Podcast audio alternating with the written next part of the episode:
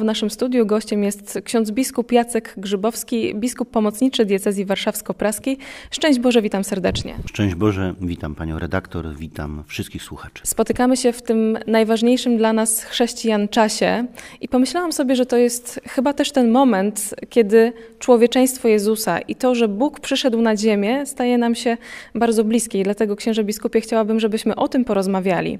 Jezus Chrystus, czyli Bóg wcielony, czy jest to mit, który my jako religia zapożyczyliśmy, czy jest to fakt? No oczywiście my wierzymy, że wcielenie Boga w Jezusie Chrystusie jest faktem historycznym i faktem, nawet bym powiedział, kosmicznym. To znaczy, że nigdy wcześniej coś takiego nigdzie się nie dokonało, żeby nieskończony, niepojęty, wieczny Bóg stał się człowiekiem, stał się ciałem. Ale oczywiście są takie teorie historyczno-teologiczne, które mówią, że chrześcijanie w jakimś sposób to zapożyczyli z religii starożytnych, z mitów greckich. Ale jeżeli uważnie popatrzymy na mitologię grecką, to takiego radykalizmu wcielenia nie znajdziemy. To znaczy, w różnego rodzaju opowieściach i mitach Grecji i Rzymu odnajdziemy przekonanie, że Bóg czy bogowie, na przykład Zeus czy, czy Demeter albo, albo Dionizos czy Atena czy Apollo wcielają się czy przybierają postać człowieka, ale jest to pewien rodzaj, tak bym, tak bym powiedział, teatru, czy jakby takiego ubrania się w postać ludzką po to, żeby załatwić jakieś sprawy, czy, dokonać czegoś tutaj na ziemi pośród śmiertelników. Natomiast jakby w mentalności greckiej, a tym bardziej w, powiedział, w mentalności neoplatońskiej, absolutnie nie ma zgody na to, że to, co duchowe, przybiera w sposób trwały, w sposób właściwy, w sposób jakby w swojej naturze ciało, cielesność. I to jest coś zupełnie niezwykłego. Dlatego ta idea Boga wcielonego, którą rozwija chrześcijaństwo właśnie przez doświadczenie Jezusa Chrystusa, jest całkowicie oryginalna, całkowicie nowa. Bym tak powiedział, że ona sprzeciwia się bardzo mocno takiemu przekonaniu, że właśnie świat duchowy jest całkowicie oddzielony od, od tego świata doczesnego i tylko na chwilę, czasem właśnie bogowie, czy też duchy albo, albo bóstwa wchodzą w ten świat, realizując różne rzeczy, ale ostatecznie chodzi o to, żeby opuścić ten świat materii i, i dostać się do świata ducha, który rządzi się zupełnie innymi prawami.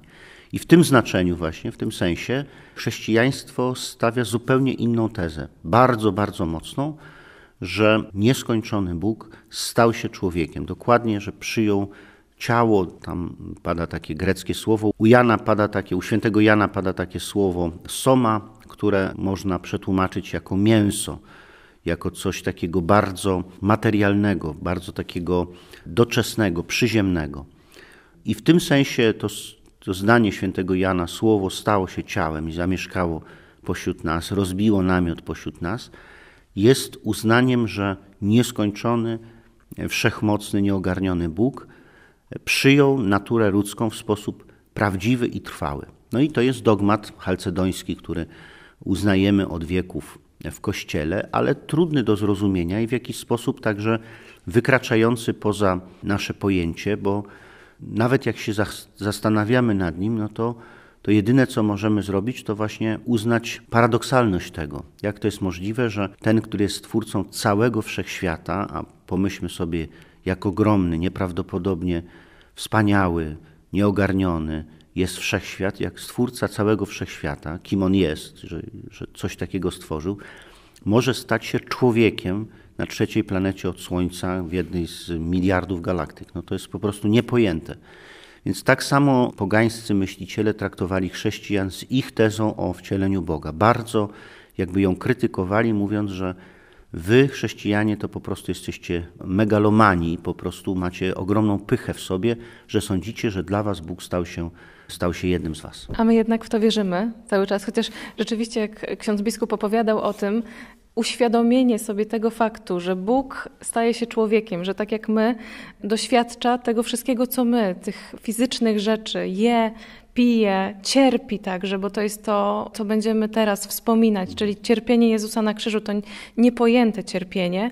A jak to, że Bóg stał się człowiekiem, wpływa na postrzeganie godności człowieka? Dzisiaj tak często ta godność jest podważana. No właśnie, są dwa takie momenty w roku liturgicznym, czyli Boże Narodzenie i Wielkanoc, w którym e, powinniśmy właśnie skupić się na tajemnicy wcielenia, bo ona jest u fundamentu tych dwóch obchodów liturgicznych. Pierwszy to jest właśnie, tak jak pani mówiła, moment, w którym no, zastanawiamy się, jak to jest możliwe, że Stwórca świata stał się dzieckiem, narodził się z kobiety i, i został złożony jego jakby istota, czyli dusza i bóstwo, ciało i krew, prawdziwe człowieczeństwo i prawdziwe bóstwo zostało w osobie Jezusa Chrystusa położone w żłobie. To jest po pierwsze. Po drugie, właśnie kiedy przeżywamy tajemnice paschalne, czyli zaczynamy, zaczynamy rozumieć, że naprawdę Pan Jezus w ciele, przychodząc do nas, całkowicie się uniżył, całkowicie się oddał nam, całkowicie pozwolił się zniszczyć e, i zabić w ciele, po to, żeby e, zwyciężyć śmierć jako skutek grzechu Adama. I właśnie chrześcijanie na początku mm, jakby rozwijali tę naukę. Pamiętajmy, że to ten rozwój tej nauki teologicznej o dogmacie wcielenia dokonywał się bardzo powoli, bo nie jest łatwo zrozumieć tak nieprawdopodobne prawdy, szczególnie właśnie w kulturze, która była obca tego rodzaju rozstrzygnięciom. A jednak w pewnym momencie właśnie chrześcijanie dochodzą do wniosku, że jeżeli Bóg stał się człowiekiem, był jednym z nas, tak jak my chodził, tak jak my właśnie realizował tutaj życie na ziemi przez takie bardzo proste i zwyczajne doświadczenia i za każdego człowieka oddał życie, od Adama i Ewy do końca świata, co najpełniej w Triduum Paschalnym wyraża tajemnica Wielkiej Soboty, zstąpił do piekieł po to, żeby tam sprawiedliwych wyprowadzić ku bramom raju, no to po, pojawia się pytanie, jeśli taka jest moc Boża skierowana do człowieka, to kim jest człowiek? No to kim jest człowiek, że sam nieskończony Bóg dla niego stał się człowiekiem, dla niego się uniżył, dla niego w sposób nieprawdopodobny dał się oszpecić, jakby pognębić, zniszczyć, zabić, to kim jest człowiek? I trochę psalmista też to wyraża e, już w Starym Testamencie, mm, kim jest człowiek, że o nim pamiętasz. Stworzyłeś go niewiele mniejszym od aniołów, wszystko złożyłeś e, dla niego, dla człowieka stworzyłeś cały, cały świat, przepiękny. No to właśnie ta refleksja na temat godności jest tutaj fundamentalna i rzeczywiście w chrześcijaństwie godność każdej osoby ludzkiej od momentu jej pojawienia się na świecie, czyli jak dzisiaj wiemy dzięki biologii, medycynie, genetyce, od momentu poczęcia aż do momentu e, śmierci człowieka, że to jest godność jakby wsobna, czyli to jest godność, która przysługuje tej istocie tylko dlatego i aż dlatego, że jest człowiekiem. I nikt ani nic nie może tej godności człowiekowi odebrać. No, to jest prawda, która jakby wynika właśnie z dogmatu, no, nazwijmy to halcedońskiego, czyli właśnie z uznania prawdziwego bóstwa i prawdziwego człowieczeństwa Jezusa Chrystusa, Zbawiciela człowieka. Tak? Jeżeli tak się stało, to każdy człowiek jest odkupiony przez Chrystusa i każdy może skorzystać z mocy odkupienia, ale jednocześnie każdy człowiek jest przez to dzieckiem Bożym, za którego Chrystus umarł i dla nas bratem. No.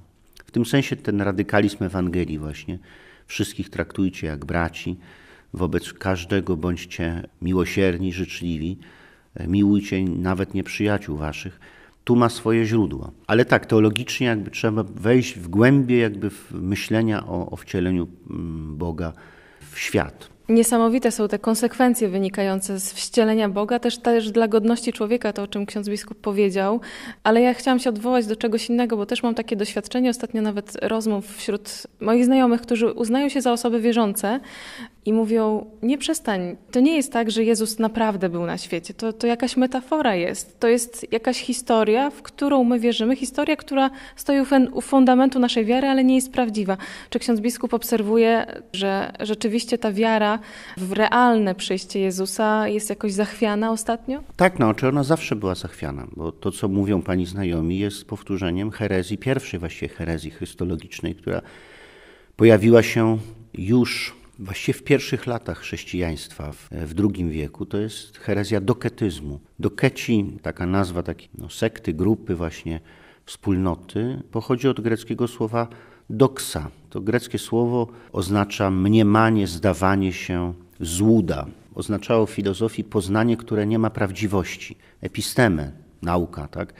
To jest po grecku poznanie, które ma prawdziwe cechy poznawcze, czyli epistemę to jest dotykasz prawdy, epistemę znasz prawdę. A doksa to jest zdawanie się, mniemanie, plotka, gadanie, złuda, pewna jakby taka niepewna i, i podważalna wiedza, czasowa tylko. To jest właśnie doksa.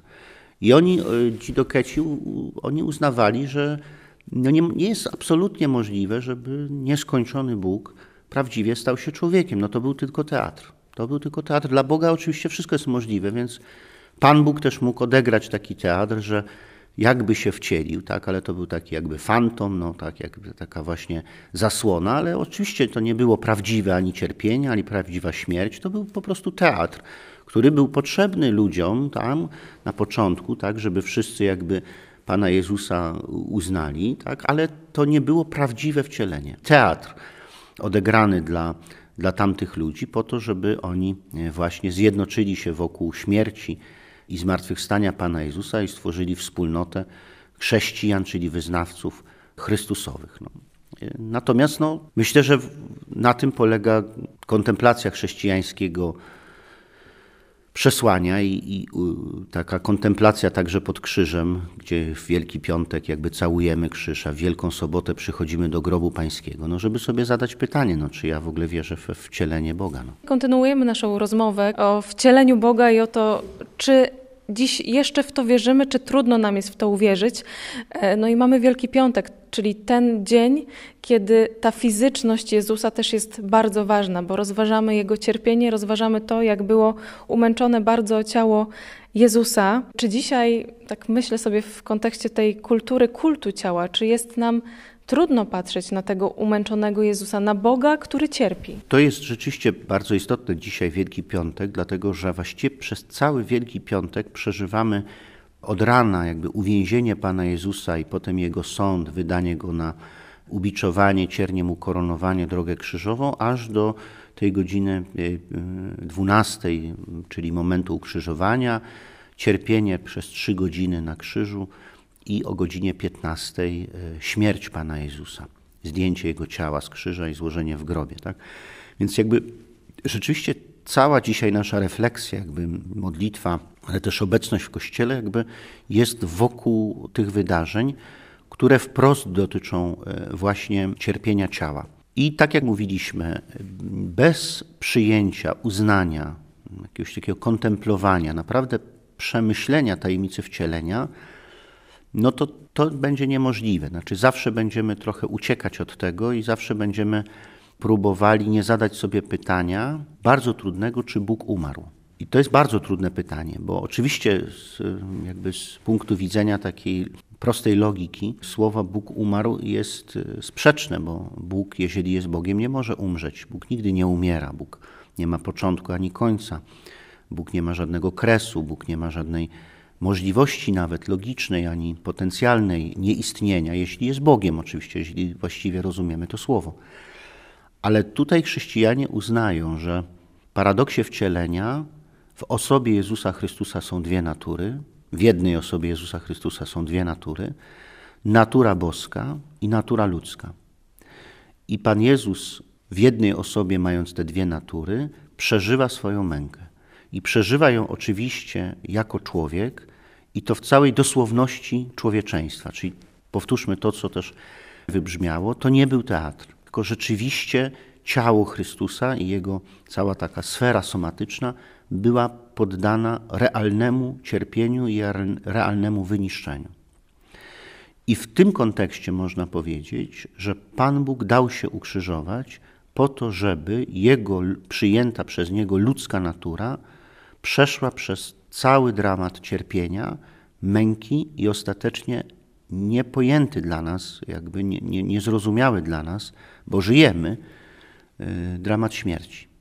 Bo śmierć jest, jak mówi Karol Jaspers, ona jest nieprzekazywalna, nie można doświadczyć własnej śmierci. Tak? Śmierć jest czymś absolutnie wsobnym.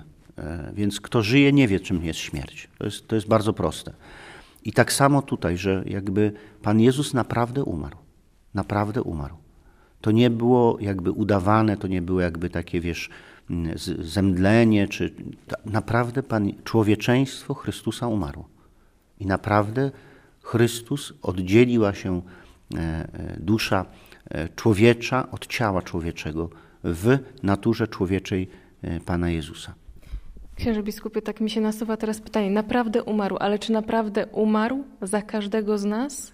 Bo to często powtarzamy, jak rozmawiamy o wierze. Jezus umarł za ciebie, ale wydaje mi się, że to też jest prawda, w którą bardzo trudno nam uwierzyć. Tak, tak, oczywiście bardzo trudno uwierzyć, bo w ogóle nasza wiara jest trudna. Jak się tak chwilkę nawet zastanowimy, no to oddzielimy ten cały wymiar kulturowy, czy taki tradycyjny, czy taki, do którego się przyzwyczailiśmy i w nim żyjemy trochę tak mimowolnie i trochę pomyślimy sobie, to tak, nasza wiara naprawdę jest bardzo trudna. Stawia nam bardzo trudne jakby treści, pytania, które się rodzą i wymaga głębokiej refleksji, bardzo głębokiej. Dlatego ta teologia katolicka jest taka precyzyjna, taka mocna, taka silna, ponieważ ludzie zrozumieli, że bez opowiedzenia tego w sposób sensowny nie jesteśmy w stanie dobrze przeżyć naszej wiary.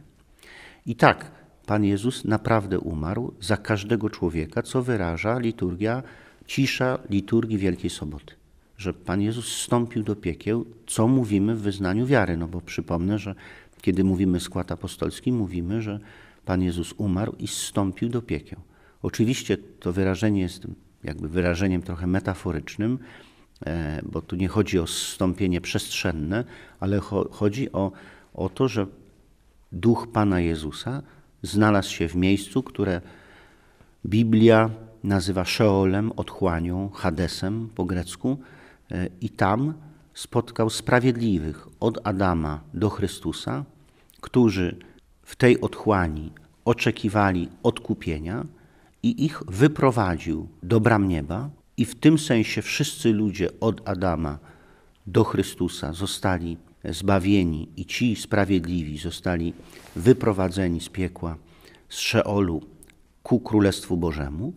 Natomiast wszyscy od Chrystusa do końca świata są ogarnięci odkupieńczą męką, śmiercią i zmartwychwstaniem Pana Jezusa, ale już od ich woli, od aktu ich woli, od przylgnięcia do Chrystusa zależy, czy owoce tego odkupienia przyjmą. Czyli tak, wszyscy ludzie według katolickiej wiary są odkupieni w Jezusie Chrystusie, ale to jest dar darmo dany w wolności. Czyli aktem wolnej woli należy ten akt odkupieńczy przyjąć. W tym sensie Pismo mówi, w Jego ranach jest nasze zdrowie. Tak? Jeśli chcemy uzdrowienia z ran grzechu pierworodnego i z rany śmierci, to musimy przyjąć dar Jego ran, czyli Jego męki. Na tym to polega. I właśnie w Wielki Piątek to bardzo mocno przeżywamy, że ta męka nie była męką tylko i wyłącznie taką pozorną, była męką prawdziwą. No i tu się pojawia też ten problem, o którym pani mówi, że we współczesnym kulcie ciała, piękna, we współczesnym kulcie estetyki takiej zewnętrznej, gdzie wartość człowieka jest y, przeżywana mocą wartości jego ciała, to ta prawda o wyniszczeniu się, uniżeniu całkowitym, oddaniu się Pana Jezusa mocy oprawców, no słabnie, tak bym powiedział, czy, czy jakby nie, nie zostaje przyjęta.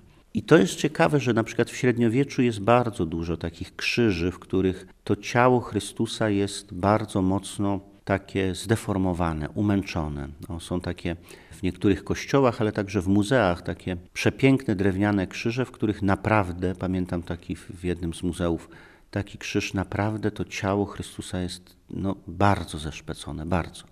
Takie poranione właśnie po biczowaniu, ukoronowana ta głowa cierniem. No po prostu widok straszny.